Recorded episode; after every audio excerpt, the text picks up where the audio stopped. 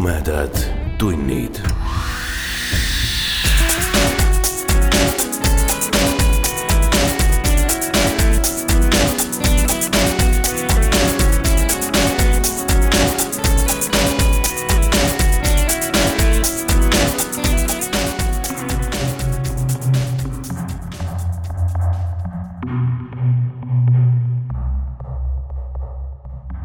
tere, hea ulmesõber sa kuuled õudus- ja ulmejutu vestmis podcasti Tumedad tunnid kahekümne kaheksandat osa.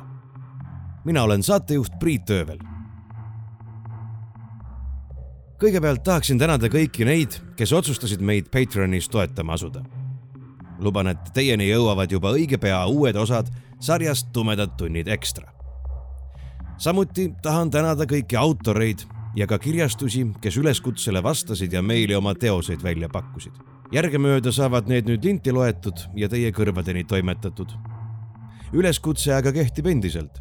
kui teie sahtlis või folderis vedeleb mõni ulme või õudusjutt, siis saatke see meile. loomulikult võib saata ka neid lugusid, mis on juba kusagil ilmunud. aga nüüd tänase osa juurde. aprillile kohaselt jõuab täna teieni kaks ma loodan, et autorid ei pahanda, kui ma nii ütlen, et veidi kergemat et mitte öelda humorikat pala. esimene lugu neist ilmus ulmeajakirjas Reaktor detsembris aastal kaks tuhat üksteist. ma loen teile Joel Jans Metsavana ulmejutu Kindlus taevas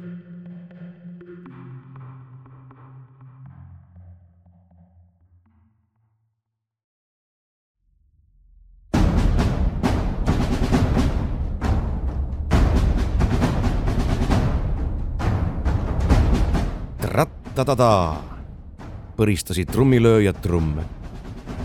pärast päevi kestnud rännakuid olid tsaari väed viimaks Kiievi müüride alla jõudnud.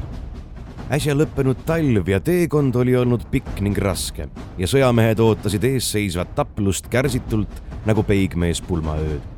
vaatasid igatsevalt hommikusest udust paistvate Kiievi tornitippude suunas ning tammusid mudasel karjamaal jalgu nagu hobused aga isake tsaar ei kiirustanud. linn oli küll kaotanud palju endisest hiilgusest. müürid olid siit-sealt lagunenud ja kullatud tornidki pleekinud ning päikese käes tuhmunud. kuid kants kätkes siiski jätkuvalt väge, et ühe tormijooksuga sellist tulist kartulit alla ei neelaks. seetõttu oli tsaar lasknud linna esialgu piiramisrõngasse võtta ning sulgeda kõik selle sisse- ja väljapääsuteed. las vastase moraal langeb papid saavad aga senikaua lisaaega Jumalalt õnnistuse palumiseks. palja vaatamisega kindlust ei valluta, pahandasid selja taga mõned kõrgemad väepealikud. kuid et tsaar ei lasknud end neist juttudest häirida.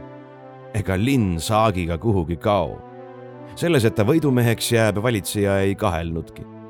tsaar oli oma edus võrdlemisi kindel juba seetõttu et lasi oma jumala sulastel kaasa võtta kunagisest usukeskusest pärit reliikviaid, mis pidid surmkindlalt jumala soosingu nende kasuks pöörama.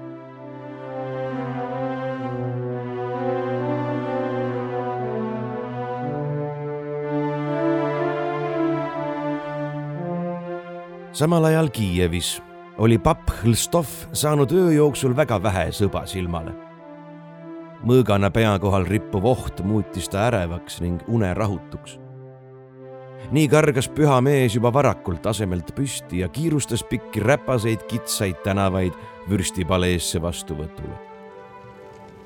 kohale jõudnuna oli Hlstov koos kaasusuvelledega paigutatud uhkesse vaipadega kaunistatud saali ning söödetud ja joodetud parimaga, hapukapsasupi, kuivatatud kala, riisi ning lambalihast magusate pirukatega isegi pidupäevade toit, sealihapirukad olid laual. kõige selle kõrvale aga jahedad pudelid parima viinaga. vürst ise istus laua otsas, vägeval nikerdatud toolil, siidist kaftan seljas ja säras soojusest nagu päike. justkui oleksid tema kallimad pojad ja tütred laua äärde kogunenud ning linna piiravatest vaenuvägedest poleks õhus paha haisugi. Hõlstov vitsutas isuga kõike ette antut ning jõi roogadele peale, alla ning kõrvale topkade viisi viina. vürsti lahkus ja viin sulatasid ta umbuskliku hinge üsna lahti ja varsti lõkerdas temagi jumala vallatult vürstinaljade peale. vürst vidutas viimaks silmi, pühkis habeme ning vuntsid laia tikanditega rätiga puhtaks, võttis näppu topka ning tõusis püsti. papid järgnesid tema eeskujule kärmel.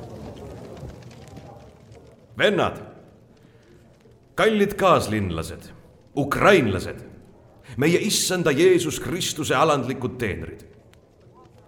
vaenlane passib väravate taga, meil aga jõude napib. nüüd on kõik teie õlgadel. paluge Jeesuselt abi ta tegi pausi ja silitas enda habet. holopid, palveoreleid sõtkuma, vanaeided ja noored tütarlapsed hardaid kirikulaule laulma ning te ise orelite taha palveid lugema ja issandat kiitma. vürst tegi kõnes pausi, lõi hardalt risti ette, kummutas topka tühjaks ning pigistas silmad kokku. papid järgnesid kuulekalt ka vürsti sellele algatusele jumala abiga, vennad, ägises vürst edasi. tõotan kõigi teie juuresolekul, et kui pääseme, annan oma kallima tütre kloostrisse nunnaks. just nii ma teen, kinnitas vürst justkui iseendale veel kord üle. üksik heldimuspisar habemesse veeremas. saadan ta sinu juurde, Hlstov. sinusuguse vaga mehe juures saab temast vahva Jeesuse pruut Hõlstov võpatas ja punastas. mis seal salata, vürsti suurerinnaline tütar oli tõeline kaunitaja. Selline, kes suutis ka kõige vagama pühaku keelt limpsama panna ning õhtu hakul patuseid mõtteid meeltele kedrata. ja nüüd vürstitar tema käe alla anda. milline õnn!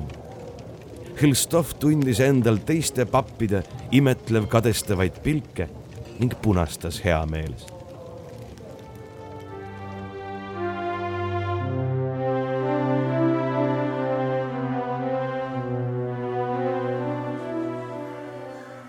isake tsaar, Venemaa seaduslik valitseja, astus oma sõjatelgist välja.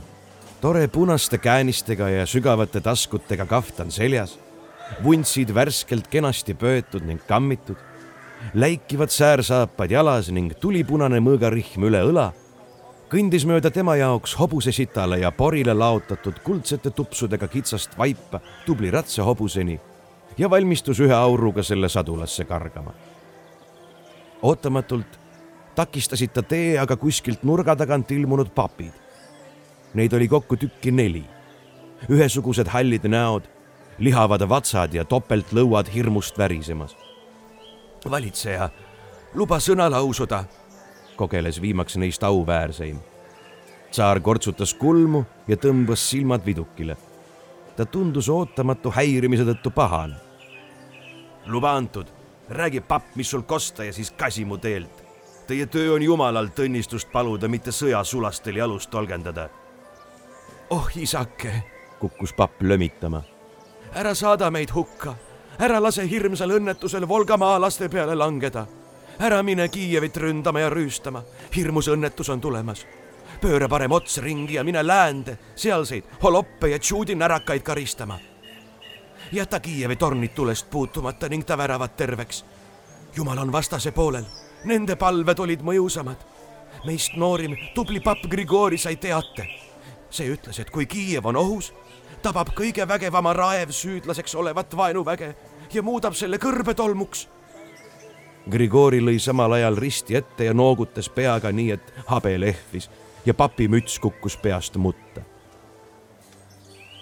valitseja nägu tumenes pea suu, lollpea, röökis ta. ega me esimest korda Kiievi vürstidega sõdi. pikk tee on maha käidud ja rünnakust me ei loobu. kasige tagasi oma välikirikusse palvetama. Teil veab, et olen heas tujus. laseks muidu vitsu anda, nii et antud on. nüüd läks väljakul alles tõeliseks tsirkuseks lahti.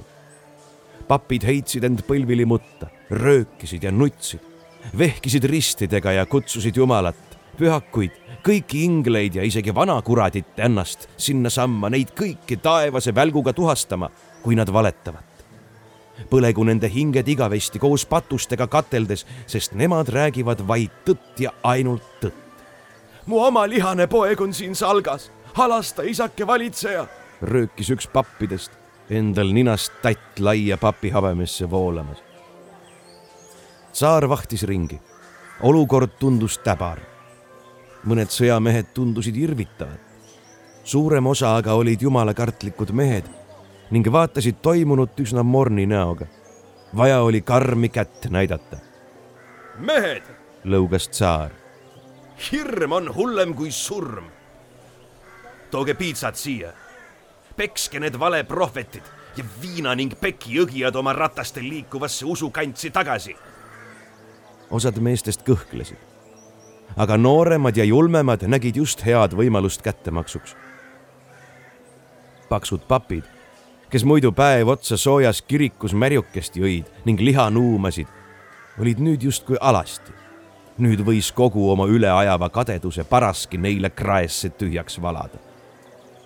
nii kargas kamp mehi ligi ja lasi piitsadel välkuda.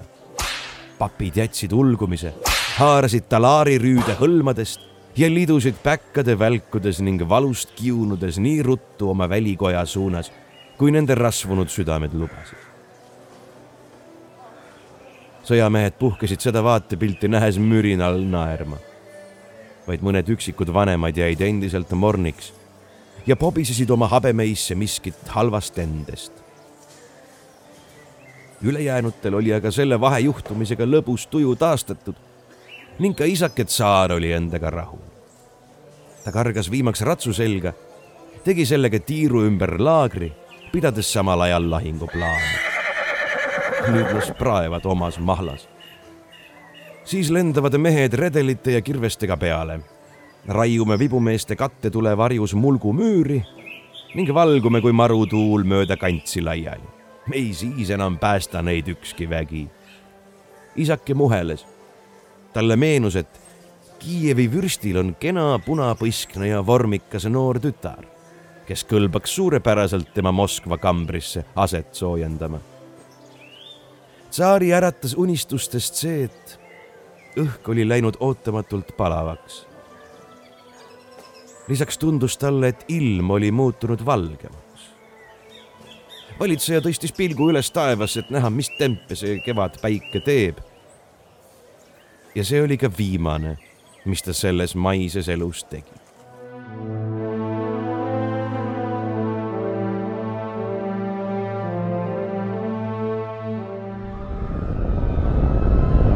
Kiievi müüridele ja tornidesse kogunenud rahvas nägi, kuidas taevast langev röögatu tulesammas tabas künkale kogunenud vaenuvägesid ja õhku raputas kohutav kärgatus. linn värises oma alusmüüridel ning kirikukellad lõid iseenesest kõlisema. ere valguse lõõsk sundis rahvast mujale vaatama. nii mõnedki uljemad, kes seda ei teinud, kaotasid sel tunnil silmanägemise valgusele järgnes muda ja tolmuvihm, mis Kiievi tänavad ning tornitipud ühtlase hallikaspruuni lögaga kattis. siis saabus vaikus. ja kerkinud tolmusammas varjas eesriidena kogu hirmu äratava vaatepildi. rahvas juubeldas sellest hoolimata. tänavatel kostis hõiskamist ja kisa igaüks põlvepikkusest poisikesest halli habemega taadini tahtis ronida müüridele, et näha oma silmadega Jumala raevuvilju. vürst ise ilmus kaaskonnaga rõdule ning pidas emotsioonidest tulvil kõne. ta kiitis seejuures lõputult pappe, tagus risti ette ning lubas viimaks minna paljajalu pühade säilmete juurde palverännakule, vanasse Roskosmose nimelisse kirikusse Hristof kuulas kõnet teiste seas naerul sui, silitas seepeale oma auväärset habet ja suundus kirikusse. seal süüdati koorilaulu ning palvete saatel küünlad ning Hristof tatsas keset kantsi kõrguva hiiglasuure tammepuust orelit meenutava aparaadi juurde. hulk kirikuteenreid kargas nurkades olevatele pedaalidele ning asusid neid sõtkuma. kiriku täitis vaikne surin puust kastil, mida kaunistasid gravüürid mitmesugustest pühakutest ja õnnistegijast endast lõid helendama kollakad lambid. selle sisemusest kostis praksumist ning susinat. kiriku katust kaunistavate sibulate katustel lõid aga hõbedased ristid sädemeid. lõpuks, olles mitu issameiet lugenud ja paar kõmisevat laulu laulnud, astus Hõlstov kasti ette, avas selle kaane ning võttis selle alt vasest kiivri, mille asetas omakorda endale pähe. sidepidamine Jumalaga võis alata.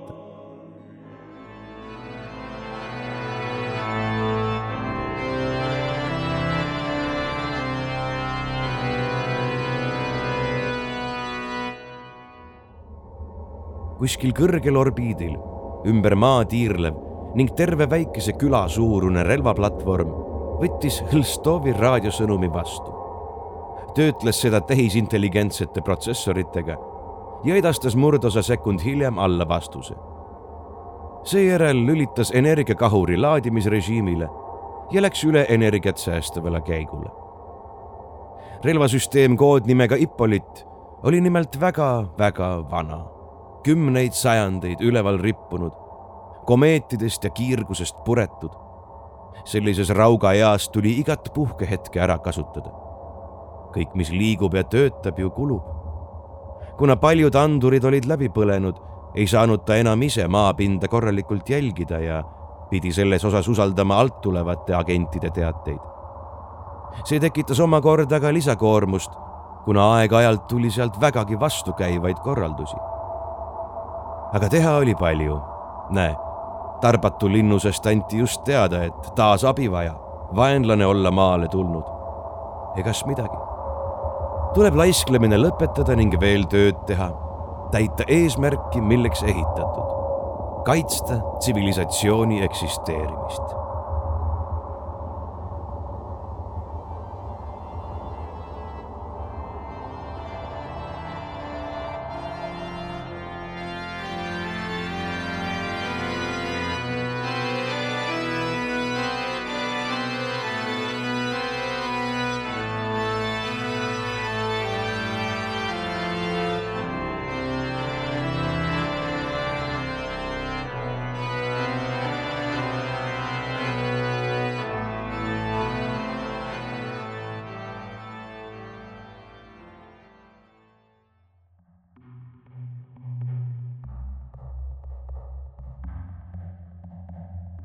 tuleme nüüd kosmosest tagasi maa peale. küll veidi teistsugusesse reaalsusesse kui see, millega me harjunud oleme. ja ühtlasi tervitame autorit, kelle lugusid varem tumedates tundides kuuldud pole. meie tänane teine lugu ilmus ulmeajakirjas Reaktor jaanuaris aastal kaks tuhat kakskümmend. mina ja Aiki loeme teile Jana Raidmaa jutu Sortsutohter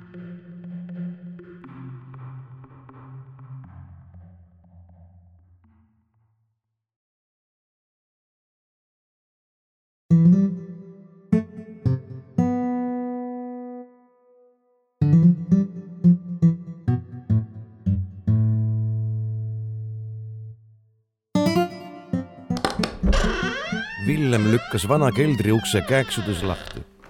koperdas ukse ees lebavale laibale otsa ja vaarus vandudes leti äärde. kõrtsmik lükkas lapiga letilt vere maha ning tõstis talle nina alla kruusikanget musta kohvi ning viinapitsi. viimane tühjenes hetkega. vaikne õhtu, küsis Villem, kui oli veendunud, et magu ennast viisakalt üleval peab. nagu ikka kehitas kõrtsmik õlgu. tahad omale? küsis ta siis, osutades musta lapiga laiba poole. Villem rüüpas kohvi ja vaatas laipa hindavalt. kogenud arsti pilgu järgi oli too umbes viis-kuus tundi tagasi hinge heitnud. surma põhjuseks tõenäoliselt kahvel, mis ühest silmast välja turritas. organid tõenäoliselt enam ei kõlvanud. säilitavast loitsust ei olnud haisugi tõenäoliselt seepärast, et Villemil ei olnud mahti olnud kõrtsmikule mõned uued valmis teha. kuid kõik muu nägi korras välja. keegi otsima ei tule? teda? ei. no miks mitte, äkki kulub ära? võid mulle kirstu visata? kõrtsmik vaid noogutas ja lohistas laiba kusagile tagaruumidesse, jättes Villemi üksi leti äärde kohvi rüüpama. Too kasutas juhust ning valas omale veel ühe pitsitäie.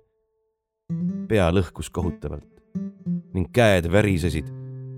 kuid vaikselt hakkas eluvaim tagasi tulema. peale tema olid baaris veel paar õnnetut hinge. tagaruumidesse viiva ukse kõrval ootasid aga juba esimesed patsiendid. mis seal ikka? tuleb tööle hakata, ohkas ta endamisi ning läks taharuumi, kus ta oli juba aastaid tagasi tillukese kliiniku püsti pannud seal ajas ta omale valge kulunud kitli selga, otsis sahtlist pooliku pudeli ja võttis veel paar kosutavat lonksu. enesetunne juba enam-vähem normaalne, kutsus ta sisse esimese patsiendi. neiuke, silma järgi umbes kuusteist, aga mine neid tänapäeva noori tea, oli näost kaame. silmad olid tal aga nutmisest punased. Selga hoidis ta tikksirgelt ning seljatoest eemale Maali tütar, kas pole? päris Villem, olles neiu ära tundnud ja võttis märkmikus puhta lehe ette. Linda, ei, Liidia. Liidia noogutas napilt. ja kuidas emal läheb? loitsib ikka ümberkaudsetes külades kariloomi. kas see salv mõjus, mis ma talle andsin? päris Villem edasi, ise samal ajal märkmikusse kirjutades.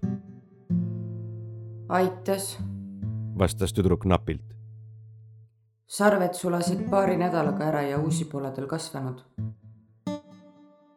siis on hästi. nii, mis sul siis mureks on? küsis Villem, tõstes pilgu lõpuks märkmikult. see, et noh. kogeles neiu, ise samal ajal punastades. keegi pani mulle needuse peale vist ja mida see needus endast kujutab täpsemalt? mul on noh, selja peal. ütles Liidia ebamääraselt selja suunas viibates, kuid siis korraks kangestudes. mingid vistrikud. suured, palju. lisas ta ja pigistas silmad kõvasti kinni. valusad? Neiu raputas pead. ei, sellised imelikud, õrnad. okei okay., oli tohter natuke üllatunud. mis sealt ikka, näita ette. neiu võttis pluusi seljast, ise samal ajal vaikselt nuuksudes. avaneva vaatepildi lahterdas Villem kindlasti sinna imelikumate kanti. nahk neiu seljal oli mitu tooni tumedamaks ja punakamaks tõmbunud ning oli ühtlaselt kaetud vistrike laadsete moodustistega. Need olid kõik enam-vähem ühesuurused ja külgede pealt natuke krimpsus. Villem näris natuke mõtlikult pastakat ning tõmbas siis käe seljaga üle moodustiste. Liidia kiljatas ja üritas eemale vingerdada. kõdi? natuke. noogutas neiu napilt osade moodustised paistsid peale puudutamist aga hakkavat paista minema. Villem näris veel natuke pastakat ja istus siis laua taha tagasi. noh, needus see ei ole. pahatahtlikkusest pole haisugi ja keha on loitsu täielikult omaks võtnud. ehk siis see ei ole ka vägisi peale pandud. aga. üritas neiu vastu vaielda, kuid doktor ei lasknud endale vahele segada sul on selg nibudega kaetud, teatas Villem. pilk surmtõsine. neiu jäi vait ning näis, nagu ta ei suudaks otsustada, kas tõmbuda veel kaamemaks või punastada veel rohkem. äkki sa räägiksid nüüd, mis juhtus? pakkus Villem leebemal toonil.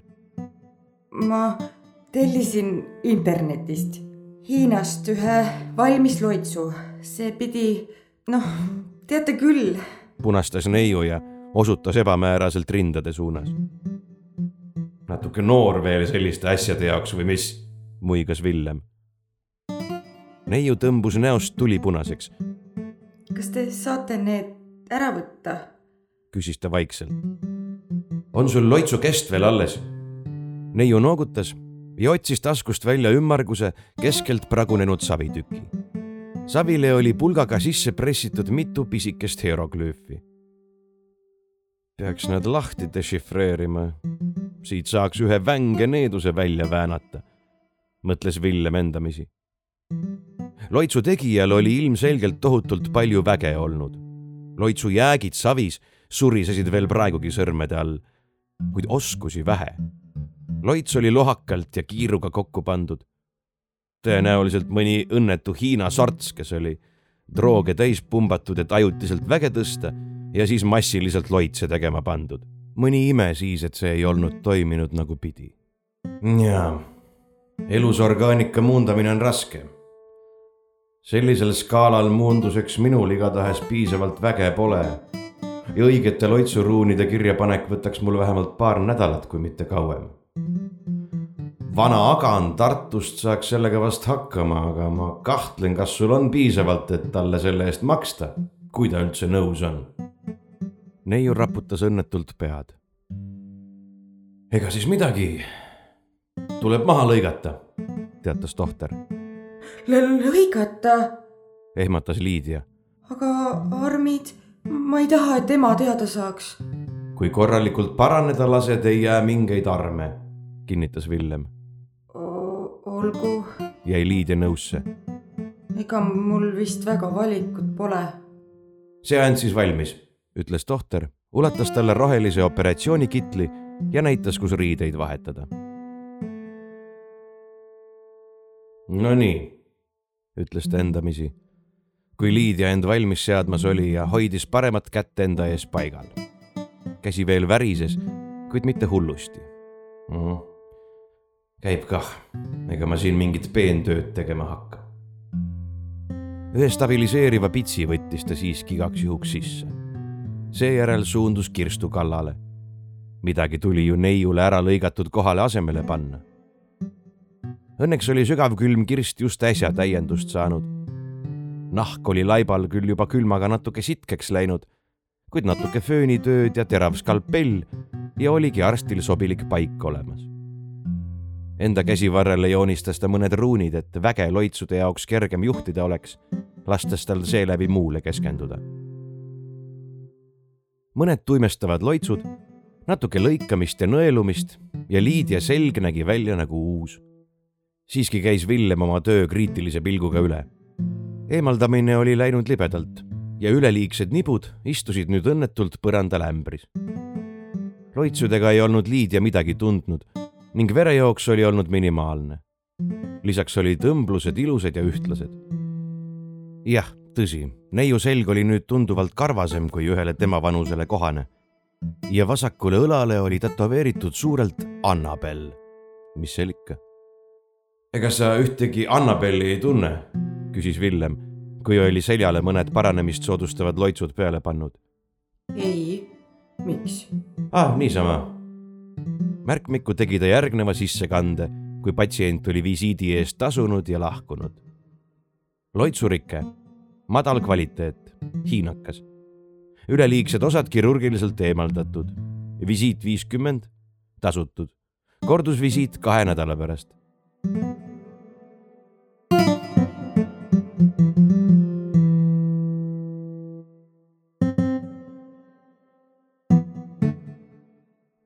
nii, mis mureks? miski suur koer pures mind öösel, vastas keskealine mees, keda Villem ei tundnud ja üldiselt tundis ta enamust selle kandi maagiarahvast. perearst vaatas üle ja proovid olid kõik korras. marutõbe ega midagi ei ole, aga ometi on sellest saadik kuidagi rahutu olla, eriti öösel. liigesed valutavad ja ihu kiheleb imelikult üks tuttav soovitas siia tulla. Villem vaatas hammustuse üle, uuris kalendrit ja ohkas. ei ole midagi, väike asi, teeme kohe korda, ütles ta reipalt, manades näole naeratuse. päriselt? oli mees üllatunud. ja, ja, minge oodake väljas maja taga, seal põõsaste juures on hea, ma kohe tulen järele. väljas? jah, väljas. see protseduur võib määrida kellel siis aega koristada on, patsiendid ootavad ukse taga. okei okay.. kui mees oli lahkunud, otsis Villem kõige alumisest sahtlist vana kulunud revolvri välja ja pani trumlisse ühe hõbekuuli. mõtles hetke, pani teise juurde ja läks siis välja. libaeluka hammustus, assisteeritud eutanaasia, visiit tasuta. kabinetti tagasi jõudnud, ei hakanud tohter pitsiga jändama ja jõi otse pudelist mitu pikka sõõmu. seejärel helistas ühele tuttavale inspektorile. nii edasi läheb, saab veel viin otsa, ohkas ta maha istudes ja suuremat kirstu läheb vaja. ta oli juba kaalumas, kas tänaseks üldse pood kinni panna, kui keegi uksele koputas. enne kui ta midagi vastata jõudis, pistis Olavi pea ukse vahelt sisse. Jou, Villu, oled ikka avatud? Ollu, astu aga edasi. sinu võtan ikka visiidile, ütles Villem ja pani kohe kaks pitsi lauale. noh, kuidas kooljad elavad? päris ta, samal ajal pitse täis valades. kuule, pole viga. ilmad on jahedad olnud, ei kõdune nii kiiresti. käisin eile just ema pool, lasin neil kartulipõldu kaevata, jutustas Olavi lõbusalt. ja mis sind minu väikesesse urkasse toob? Tahad värsket materjali? päris Villem. ma siin just hetk tagasi toppisin ühe libakirstu. jälle? kuidagi palju neid viimasel ajal? kevad, kehitas Villem õlgu eks nad siin soojemate ilmadega hakkavad rändama rohkem. kole asi ikka, ohkas Olavi. aga ei, ma siin äh, tulin tegelikult asja pärast. väike tervisehäda, mul äh.... tohter katkestas teda ja otsis märkmikust vastava koha üles. sul on eelmise visiidi eest maksmata. aga sa tead küll minu põhimõtteid enne uuele visiidile ei võeta, kui eelmise arved ei ole tasutud. kuule nüüd, palus teine, pluss sul on veel viimase laiba eest osa rahast maksmata. palun, ole meheks, me ju vanad sõbrad. sõbrad sõpradeks, mul on vaja arved maksta, vastas Villem külmalt. Ma olen ise veel kõrtsmikule eelmise kuu üürivõlgu. ma saan järgmine nädal raha. ma maksan siis võlad ära, luban. siis tule järgmine nädal tagasi ütles Villem ja pani märkmiku kinni. mul kukub see enne järgmist nädalat otsast, oli Olavi ahastuses. tohter vaatas vaikides sõpra mõne hetke, siis ohkas raskelt. kui mitu korda olen ma sulle öelnud, et ei maksa koolijaid surkida. Sa ei tea, mis haigus neil enne surma võis olla või mida nad veel juurde on korjanud. Nad lähevad seest enne mädanema kui väljast ma, ma tean, ma tean, vastas surnu manaja õnnetult. juhtus, noh. sai liiga palju joodud ja see uus kooljas näeb ju veel täitsa kobe välja. kasuta siis kondoomi vähemalt, ohkas Villem. see ei ole päris see, ütles Olavi samal ajal taskus sobrades. näe, kolm, viis, kuus eurot, palun tee midagigi kust ta on ka valus juba? Villem ohkas uuesti ja pistis mündid taskusse. olgu peale. löö lauale, käskis ta ise samal ajal külmiku juurde minnes. noh, kas on väga hull? päris Olavi murelikult mm.. maha ei pea veel lõikama, vastas tohter, kui oli väikest tervisemuret lähemalt vaadanud. ta võttis ühe suure teelehe pomises midagi omaette, sülitas sellele korra ja pani siis lätaki haige koha peale. hoia peal, kuni ise maha kukub, õpetas Villem. tee leht siis ikka. ja saab terveks. terveks? ei, aga enne järgmist nädalat ei tohiks nüüd küljest kukkuda. nädala pärast tule tagasi ja maksa võlad ära. Kool ja väärkasutus, teelehe kompress, visiit kuus eurot, tasutud. kordusvisiit ühe nädala pärast.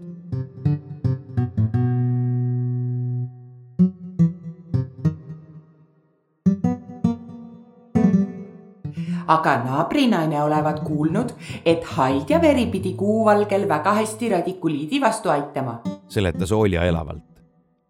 Olja oli üks Villemi põhikundesid, kes käis regulaarselt iga nädal visiidil. mitte, et ta tervisel miskit väga häda oleks olnud Villem võis vaid unistada, et temal kunagi Olja vanusena nii hea tervis oleks. proua käis peamiselt seltsi pärast ning jutustas talle küla uudiseid. kuna ta ka visiiditasu alati kenasti ära maksis, siis ei olnud tohtril raske kord nädalas talle tunnike pühendada mm. -hmm, noogutas Villem, lapatas samal ajal märkmikku ja pannes paberile võlgnikke kirja. Vahepeal oli ka tema tuttav inspektor läbi astunud ja liba minema viinud. Oljak vatras aga edasi. tohter kuulas teda poole kõrvaga, aeg-ajalt sobival ajal noogutades ja mühatades ja kui ma veel noor oli, võis siitsamast metsast haldjaid leida. õega tegime ise pisikesi vibusid ja käisime neid öösel küttimas.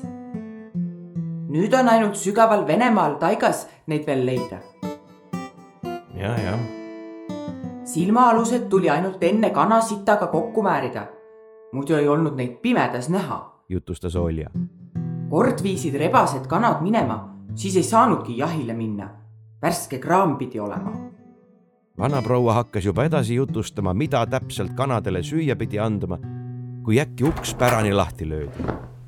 sisse marssis ülikonnas ja range välimusega naine, tema järel kaks tursket meest. mehed kandsid enda vahel kolmandat, nooremat meest, kes oigas kohutavalt ja rippus lõdvalt nende käte vahel. Villu, tervitas naine teda lühidalt samal ajal kui mehed oiga ja ettevaatlikult voodisse asetasid. mul on su abi vaja. Jeva, ütles Villem hapu näoga. mul on patsient. Jeva oli kohalikest maagidest kahtlemata kõige tugevam. lisaks sellele oli ta ka veel Nuustaku linnapea abikaasa ja aidanud tol selle ametikoha saada. omanik või osanik mitmes Nuustaku linna äris, nii mõnigi neist illegaalne ning üleüldse üks kohutavalt ambitsioonikas naine Nuustaku maagia maffia meeldis Ollule tema kohta öelda, kui nad liiga palju joonud olid. ning Villem pidi selle väitega nõustuma. siis saada ta minema. nõudis Jeva. äkki ma tulen mõni teine päev tagasi? pakkus Olja murelikult. ei, ei, istu rahulikult. minu jaoks on kõik patsiendid võrdsed ja sina olid siin enne, rahustas tohter. tegelikult ta lihtsalt ei sallinud Jevat ja tema ülbet käitumist noh, olgu pealegi. ma ei taha siin lihtsalt kellelegi tüli teha. oli Olja jätkuvalt ebakindel. Villu, mul on. alustas Jeva, kuid tohter lõikas talle kurjalt vahele. Villem, parandas ta. ma olen arst, mitte mingi tänavapühkija. Ametlikult oled sa lahkaja. muigas Jeva õelalt. lahkaja? kohkus Olja. pekki, homme teab juba kogu küla sellest, needis Villem mõttes patoloog, üritas ta olukorda natuke päästa. ja mis tähtsust seal üldse on? kondid ja soolikad on ikka kõik sama koha peal. vahepeal oli oigamine üle läinud vaikseks inisemiseks. viis tuhat, ütles Jeva külma rahuga. Villem suutis talle vaid punnis silmadega otsa jõllitada, pastakas käest tõmblemas. Oljake, võib-olla on tõesti parem, kui sa mulle hiljem näiteks helistad pakkus ta, üritades rahulikuna näida. oi muidugi, muidugi, ma võin ka postikanakese saata, kui vaja. oh ei, helistamisest täitsa piisab. Kanakesed kippusid auto alla jääma või murdis mõni külakoer nad maha. viis tuhat ja mitte sentigi vähem, nõudis Villem, kui Olga oli lahkunud. kui sa ta terveks teed, nõustus Jeva. Villem ohkas ja läks uue patsiendi juurde Jeva oli vahepeal oma kaks käsilast ära saatnud. noormees oli kohutavas seisus ning Villem tundis end natuke süüdlaslikult, et viivitanud oli. Uus armuke, ei suutnud ta siiski küsimata jätta. mis tähtsust sellel on? nähvas Jeva. ta on mu õpilane, Hugo, lisas ta hetke pärast. ahsoh, potentsiaali siis on, päris Villem, ise samal ajal patsienti lähemalt uurides Jeva enda juurde mökusid ei võtnud. noormees oli näost valge ja hingas kiirelt ja kähedalt. veresooned ta naha all olid mustaks tõmbunud. Jõudu on küllaga, mõistust on vähe, ohkas Jeva. ohtlik kombinatsioon noore maagi jaoks, märkis Villem. mis siis juhtus? uuris ta, kui oli oma ülevaatuse lõpetanud. Jeva kehitas õlgu. ma leidsin ta sellisena maas oigamas keegi on needuse peale pannud, tugeva. proovisin seda maha võtta, aga ma ei saa sellele pihtagi. Kui ma teaks, kes selle pani või kuidas see täpselt toimib, saaks ma selle maha võtta. jah, praegu on tal olukord igatahes täbar. keha toodab pidevalt mürke, kuidas, seda ma ei tea. neerud on kutud. ülejäänud soolikad veel peavad vastu, kuid ilma neerudeta, mis seda solki tal verest välja filtreeriks, annaks ma talle parimal juhul veel tunnikese. ma saaks talle õhtuks uued hankida Villem ei hakanud parem uurima, kust ta need nii ruttu saaks. hilja, ohkas ta. siis peaksid juba Olavi käest abi paluma. dialüüs? pakkus Jeva. lähim asutus, kus minu teada selline aparaat on, on liiga kaugel. sa tunniga hakkama ei saa? küsis Jeva. sellise rõvedusega. ma parem ei hakkaks riskima. viis tuhat oli ikkagi mängus ju. tal on kohe vähemalt üht uut neeru vaja ütles Villem ja jäi siis mõtlikult Jeevat vaatama. kuule, mis su veretüüp on? ei, ütles Jeeva resoluutselt ning Villem ei hakanud vaidlema. aga su mõttel on jumet. peale kiiret uurimist sai selgeks, et ei Jeeva käsilased ega ka kõrtsmik ei sobinud. Villem aga, pekki, mõtles Villem talle see mõte põrmugi ei meeldinud.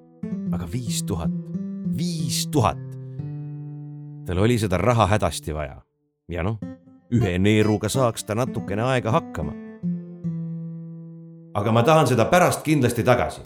ära mõtlegi minu pealt kokku hoidma hakata. nüüd hoia peeglid paigal. ta sättis end toolil mõnusamalt istuma. operatsiooni koht oli juba puhtaks tehtud ning kogu rindkere rinnast puusadeni mõnusasti loitsudega tuimaks tehtud. selja poolt oleks küll lihtsam kätte saada olnud, kuid see-eest palju raskem pärast kinni õmmelda ning Jeevat ta enda kallale ei usaldanud. paar julgustavat lonksu viina ja võis alustada. nii, võid peegli natukeseks ära panna, ütles tohter, kui oli esimese sisselõike teinud. sul näha pole vaja, imestas Jeeva ma saan käsikaudu paremini, vastas Villem ja lükkas käe haava sisse. nii, kus sa mul nüüd oled? ei, ei ole. kust see siia sai? ah, käes. nii, näita peeglit.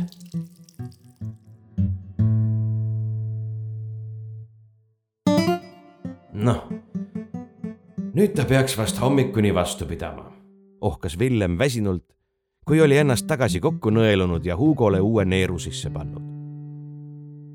vanad olid tal nagu rosinad väikeseks ja mustaks kokku tõmbunud. Enda omale oli ta Jeva abiga mitu tugevat loitsu peale pannud, et see needuse all mõnda aega vastu peaks. koos loitsida ei olnud kerge, kuid Villem oli seda Jevaga varemgi teinud. tohter istus maha ja valas omale ühe kosutava pitsi tänased lõikused ja loitsimised olid ta juba korralikult läbi võtnud. ja alkohol oli kehv mana potion. parima meelega oleks ta praegu koju läinud ja välja maganud, kuid aeg tiksus ja Jeva puuris teda nõudliku pilguga. on sul mõni mõte ka, kes selle needuse talle peale võis panna? uuris ta Jevalt. mõni. Neid isikuid juba uuritakse. praeguseks ei ole veel süüdlast leitud, vastas Jeva mõrult ma usun, et selle taga võis olla Juurik. see vana liba, imestas Villem. kas ta üldse oskab loitsida? oskab. väge pole tal just palju, kuid vanas eas on ta üht-teist juurde õppinud. nojah. mis tal ikka pensionil olles teha on, kui loitsude kallal nokitseda? aga miks peaks tema sulle või su õpilasele sellise rämeda needuse peale panema? me tahame temalt selle võsajupi ära osta, kus ta elab, seletas Jeva maa on hea väikese järve ääres. sinna saaks ühe uhke elamurajooni püsti panna. aga ta ei taha müüa, oletas Villem. Jeva noogutas. ta on meid mitu korda ära ajanud ja nüüd pani ta veel kogu alale kaitseloitsud peale, et me seda ja teda üles ei leiaks. Te ei suuda järve üles leida. see on ju kohe maanteelt näha, imestas Villem. Jeva vaid ärritus selle peale ma tean küll, kus see on. ma olen seal lapsena sadu kordi ujumas käinud. aga ma ei jõua selleni. mehed on sellest juba sadu kordi mööda sõitnud ja proovinud sinna kõndida, kuid jõuavad iga kord maanteeni tagasi. see, see on päris kõva loits, kui isegi sina sellest läbi ei murra. küll ma sellest jagu saan. ei tundnud Jeeva muret. aga mul läheb sellega veel aega. Seni ei pääse mina ega ükski mu meestest Juurika juurde. sina aga. ei tööta enam juba mõnda aega sinu heaks, ohkas Villem just, sind ei tohiks loits mõjutada. mine ja uuri välja, mis ta tegi. minna ühe vana ja pahura liba kätt väänama, muigas Villem. liba, kes oskas seejuures üllatavalt hästi maagiat. vähemalt ei olnud täiskuu. ära vingu, küll sa hakkama saad. mis mul üle jääb? viis tuhat ikkagi kuigi vaikselt hakkas see summa väiksemana ja väiksemana tunduma.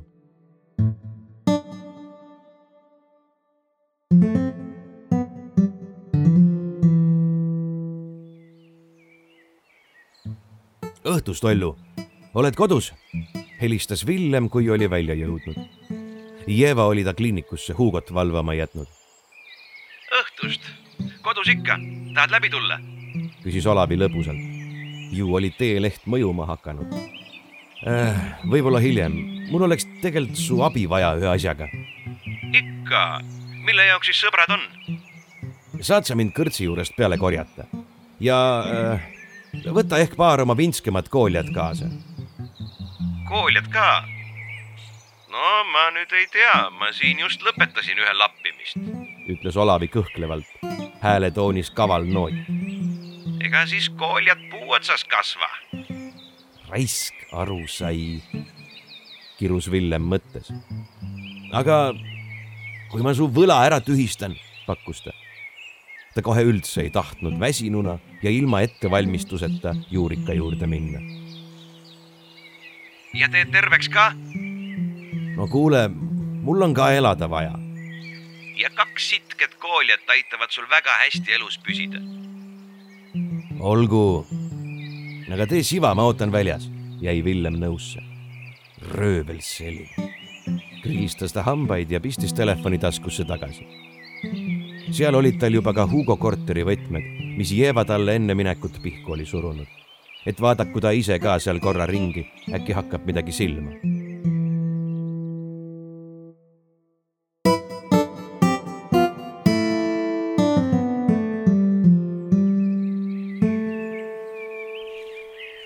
see rada vist peaks olema, ütles Villem, kui nad olid juba mõnda aega võsas ragistanud. kaks kooljat tammusid neil kannul ja korisesid midagi omavahel aeg-ajalt. mis neil häda on, päris tohter? kurdavad, et maapind on niiske. jalad kõdunevad kiiremini ära, seletas Olavi. sa neile kummikuid ei saa jalga panna või midagi? Neil see jalanumber, kurat, muutub nii kiiresti kuivavad ja paisuvad ja siis kukuvad veel varbad otsast. mul ei ole raha neile kümmet paari kummikuid osta. nagu lapsed, muigas Villem. natuke. sõna kuulavad paremini. ja kui lähebki üks aia taha, saan alati uue teha. Villem ei hakanud sellele vastama. tema tähelepanu köitis hoopis vana puu, mille koor oli mitme meetri jagu värskelt ruune täis kraabitud ah, sedasi sa hoiadki Jeevat eemale, mõtles Villem. tõenäoliselt oli selliseid puid metsas meil mitu. Villem kaalus hetke ruunide rikkumist, kuid pidas siis targemaks oma nina sellesse jamasse mitte rohkem segada. pealegi ei tahtnud ta juurikat veel rohkem närvi ajada kui vaja. oot, kuuled, ütles Olavi natukese aja pärast. Villem jäi seisma ja kuulatas kusagilt eemalt kostus muusikat. Credence, pakkus ta üllatunult. Born on the bayou, kui ma ei eksi, muigas Olavi. me oleme lähedal, ütles Villem ja liikus muusika suunas. peagi jõudsid nad väikesele lagendikule. lagendiku keskel istus vana väike onnike, mida ei olnud keegi juba viimased viiskümmend aastat parandanud seda kentsakamad tundusid kaks katusel olevat päikesepaneeli. õuel siblisid ringi kanad ning onni tagant kostus aeg-ajalt kitsemöginat. välisuks oli pärani lahti. selle ees magav kass tegi korraks silma lahti, keeras siis aga teise külje, sirutas ja magas edasi. peremeest ennast aga ei paistnud kusagilt. äkki läks linna, pakkus Olavi. see mees käib vaid pensipäeval linnas, vastas Villem. Tal on siin lähedal kusagil kasvuhooned ja põllulapp. mine vaata, äkki on seal, hõika, kui leiad. Olavi kadus puude vahele jättes kooljad ümber hoovi komberdama. Villem aga läks onni sisse. onnikese sisemus oli hämar ja segamini. Villem suutis mitme tühja pudeli ja muu pahna otsa koperdada, enne kui silmad hämarusega kohanesid. onnike oli väike ja hubane. ühes otsas oli väike kööginurk, teises ahi ja voodi. Ühe onni seina võttis enda alla ka suur, raamatutest lookas riiul, mida Villem uurima asus suure osa riiulist moodustasid ajalooraamatud ja nende vahele pikitud vanad seiklusjutud. kui ta ühe neist lähemalt uurimiseks välja võttis, jäi talle silma sinna taha peidetud vana nahkses köites raamat. Ville murgitses selle ettevaatlikult välja. teos oli vana ja kulunud. Kaanel oli murdes kirjas lühike õpetus, mis sees mõned head loitsud täeda antasse nii hästi inimeste kui ka veiste haigusse vastu. enne aga, kui ta seda lähemalt uurida sai, surus keegi talle miskit kõva kuklasse. see on eravaldus, urises Juurik. rahu, rahu, ütles Villem kiiresti ja pööras ümber. ma ainult vaatasin, vabandas ta ja ulatas raamatu peremehele tagasi. Juurik kahmas teose kiiresti enda kätte ja surus vana kaheraudse Villemile lõua alla. oot-oot, venitas ta ja kissitas Villemi suunas. Villu. õhtust, Jurik, vastas Villem kohmetult. raisk, miks sa kohe ei öelnud? ei tundnud sind selle viina haisu alt ära kohe. Muutus vanamees lõbusaks ja lasi kaheraudse rippu. oleks sul ääre pealt ajud mööda seina laiali lasknud aga ei tahtnud raamatuid rikkuda. oh, pole hullu. ei olnud minust ka väga viisakas sedasi kutsumata su asju torkima tulla, vabandas Villem. vana lõi sellele vaid käega. ah, ära põe. sa oled siin alati teretulnud.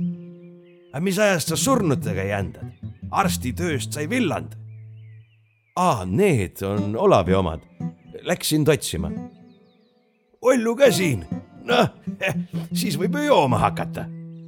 ma just sain värske laari puskarit valmis.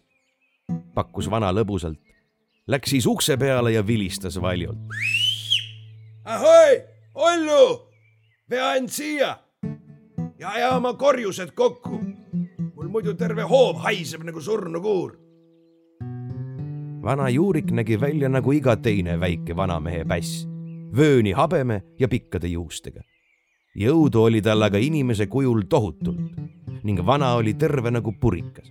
ainult nägemine oli aastatega kehvakeseks jäänud. prillidest ei tahtnud ta aga kuuldagi. noortena meeldis Villemil ja Olavil siin sageli käia. vana oli muhe ja ajas head puskarit. noh, mis teid siis siia toob? uuris Juurik, kui oli maha istunud ja silitas hajameelselt relva oma süles seda, et noh äh,, ei osanud Villem teemale läheneda ja põrnitses relva murelikult. et ma äh, pidin täna ühe värske liba maha võtma. oh, oli Juurik üllatunud. lihtsalt sedasi, maja taha ja lask kuklasse. Mis mul muud üle jäi, sai Villem pahaseks. temast ei oleks asja saanud. kust sina seda tead?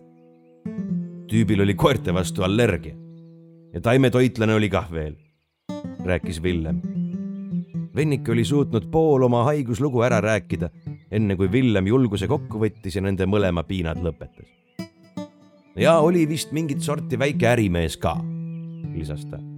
ah soo, no siis küll, noogutas Juurik, kes ei sallinud kapitaliste silma otsaski. jõudu mis te siin vaidlete juba? päris Olavi olles lõpuks tagasi jõudnud. kus sa poiss kondasid? päris Juurik. jäin su kasvuhoonet imetlema. Juurik vaid noogutas arusaavalt. sa, Villem, ära põe. ma räägin siinsete noorte libadega. nii ka ei sobi suvalisi võõraid pureda. Kord peab majas olema. õige ta on, noogutas Olavi.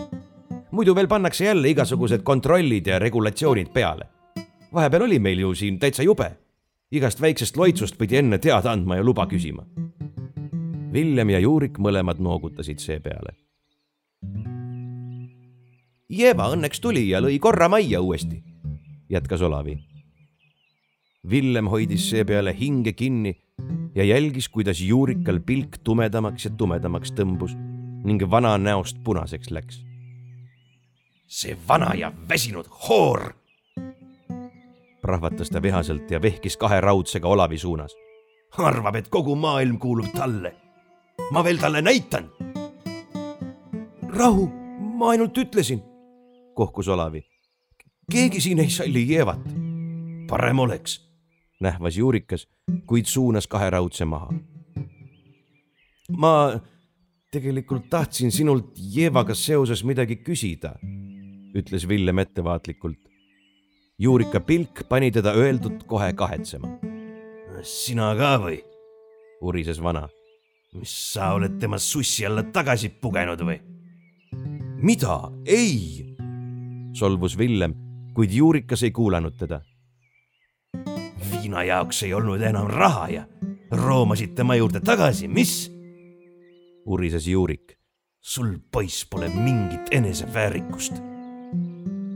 ja mis see sinu asi üldse on, kelle heaks ma töötan? karjus Villem vastu. ise istud enamus ajast siin sügaval metsas nagu mõni vana hipi ja ei tea pooltki, mis linnas toimub. ma vähemalt ei tööta kõrilõikajate heaks, lõrises Juurik ja surus kahe raudse Villemile taas nina alla tulite vana meest oma kodust välja viskama, jah? ma sulle, poiss, veel näitan. Olavi üritas sekkuda ning haaras kahe raudsest kinni, mille peale vana päästikule väjutas.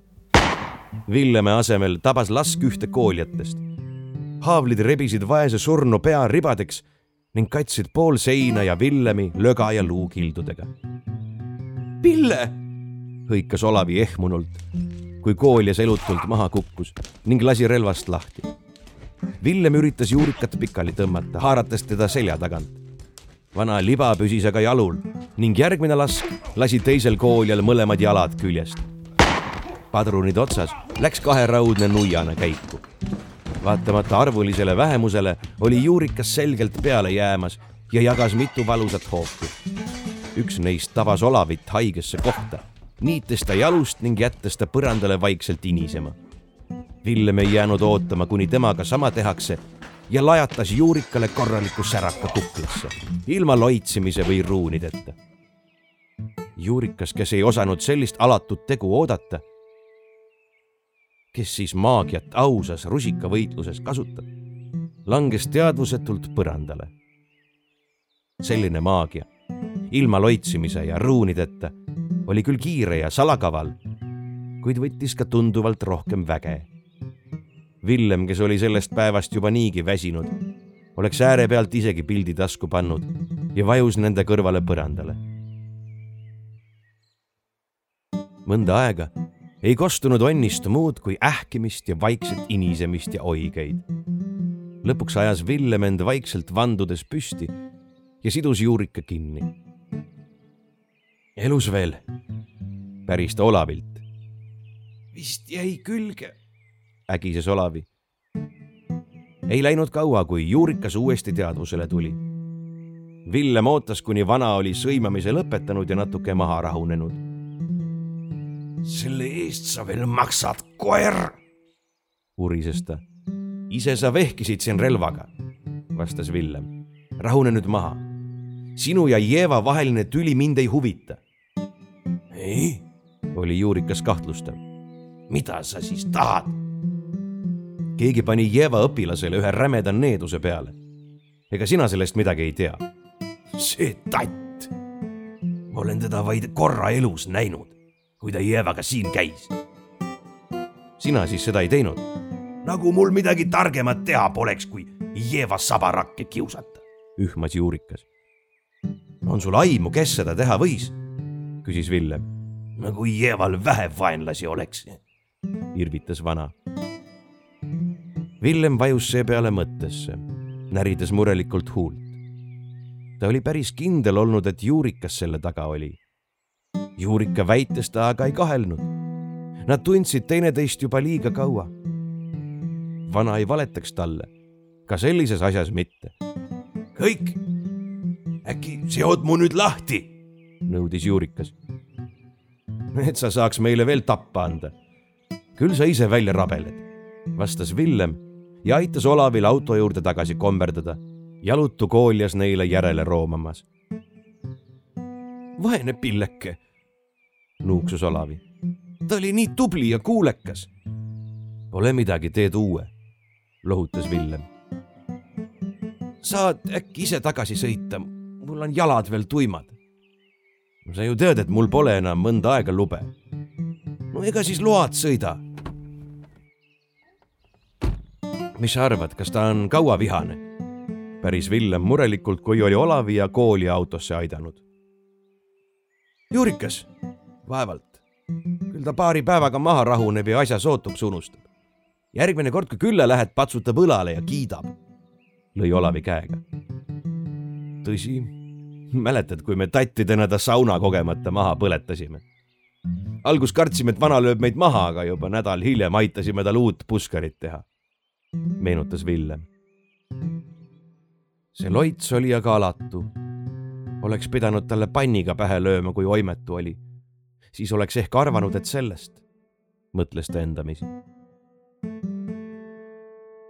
peale selle, kui ta oli Olavi koju ära viinud, käis Villem viimases lootuses ka veel Jeva õpilase korterist läbi.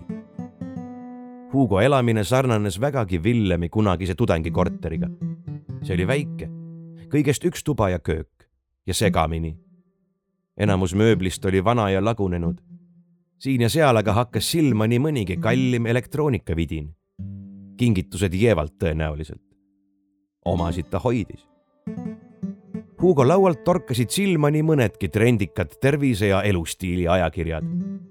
kümme viisi, kuidas oma keha kahjulikest ainetest puhastada, luges ta ühe ajakirja kaanelt Villem oli just parasjagu külmkapis sobramas, kui kuulis akna tagant toksimist.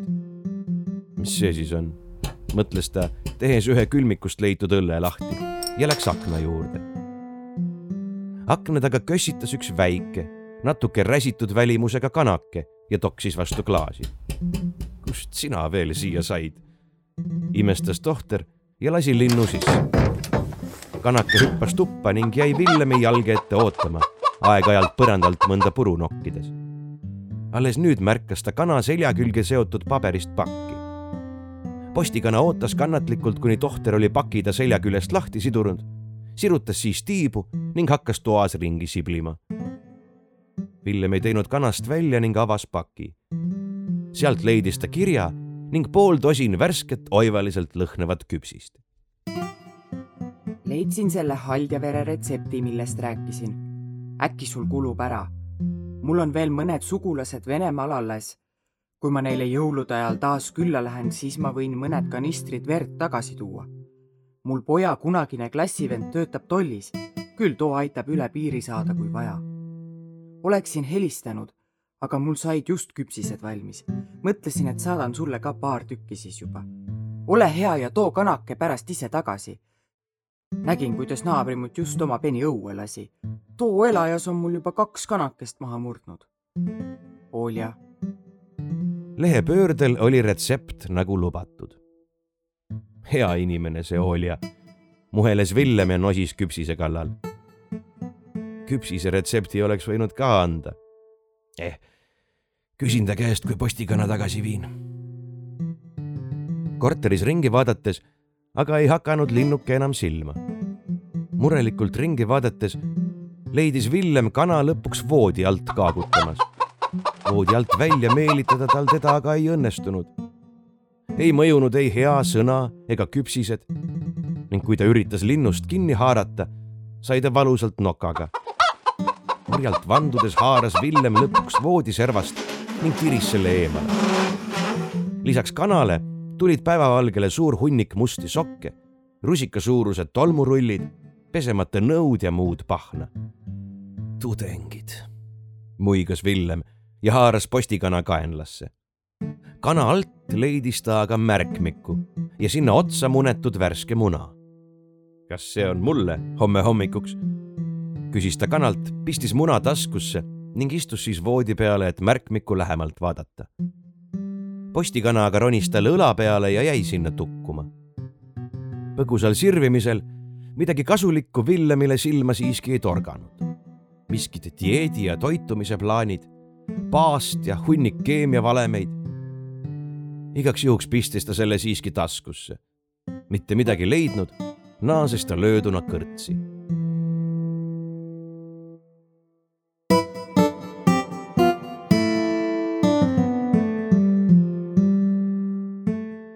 see ei saa lihtsalt võimalik olla. oigas Villem, kui oli juba pool ööd baarileti nurgas oma raamatutes sobranud. kliinikusse ei tahtnud ta minna. Hugo üha halvenev seis oli liiga masendav ja Jeeva pidev puuriv pilk ei lasknud keskenduda. raske juhtum, uuris baarimees. jubedalt, ohkas Villem. vala mulle veel üks, palun. no olgu, aga see on viimane. juba kell on ju nii vähe alles, imestas Villem. baarimees kehitas õlgu. rahvast vähe, ise ka väsinud juba. ei jaksa enam iga päev hommikuni olla. kui väsinud, siis väsinud, vastas Villem ja sobras torisedes taskutes raha järel. paned ise ukse lukku, kui lõpetad, küsis baarimees, kuid Villem ei kuulanud. talle oli sobrades ümmargune savitükk millel hiinaka loits peal oli olnud pihku jäänud. ja ta jõllitas seda häguse pilguga. kusagil aju sügavustes üritas pirnike plinkides põlema süttida. pekki äh?? pekki, ma olen idioot! hõikas Villem ja tormas kliinikusse tagasi. noh?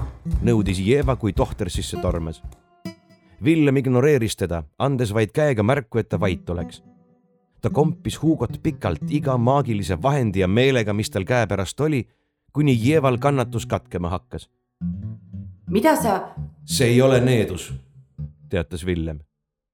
mis mõttes ei ole needus? oli Jeeva segaduses. poiss on mürkide kätte maha suremas. see ei ole needus, kordas Villem. vaata ise mitte kõige vähematki haisu pahatahtlikkusest. oli pea võimatu heast südamest, halba soovimata kellelegi needust peale panna. Loits ise juba eeldas seda, et ohvrile halba soovitakse. sellise rõveduse puhul olid nad kõik automaatselt eeldanud, et see pidi needus olema. ma olen idioot, ütles Jeva, kui oli ise ka Hugo värske pilguga üle vaadanud. sina ja mina mõlemad, muheles Villem aga mis see siis on täpselt?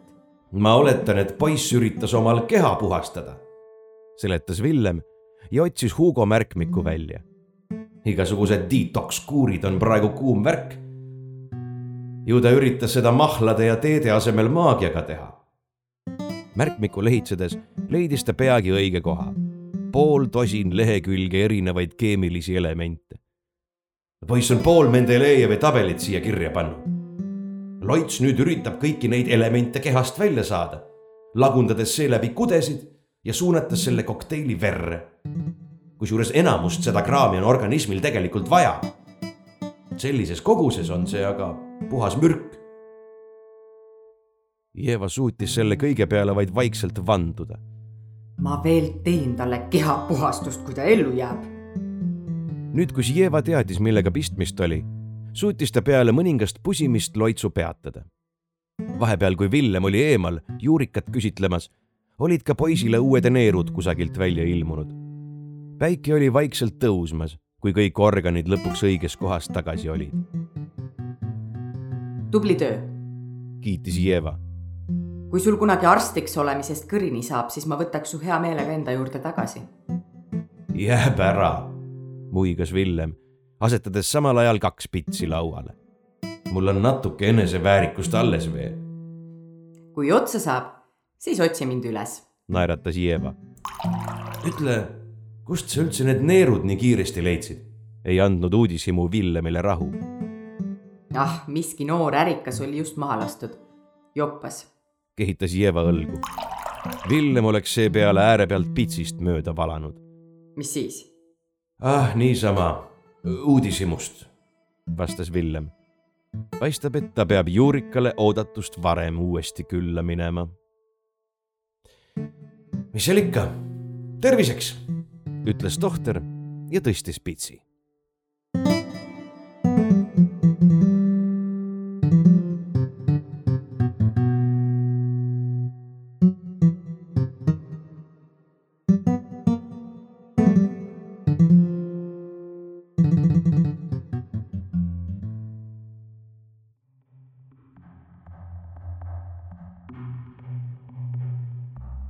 ja ongi tänaseks kõik. millegipärast on mul karvane tunne, et kohtume teiega kiiremini kui tavaliselt. seni aga jagage meid oma sõprade ja vaenlastega. ja asuge meid toetama leheküljel patreon.com kaldkriips tumedad tunnid. kõhedate kuulmisteni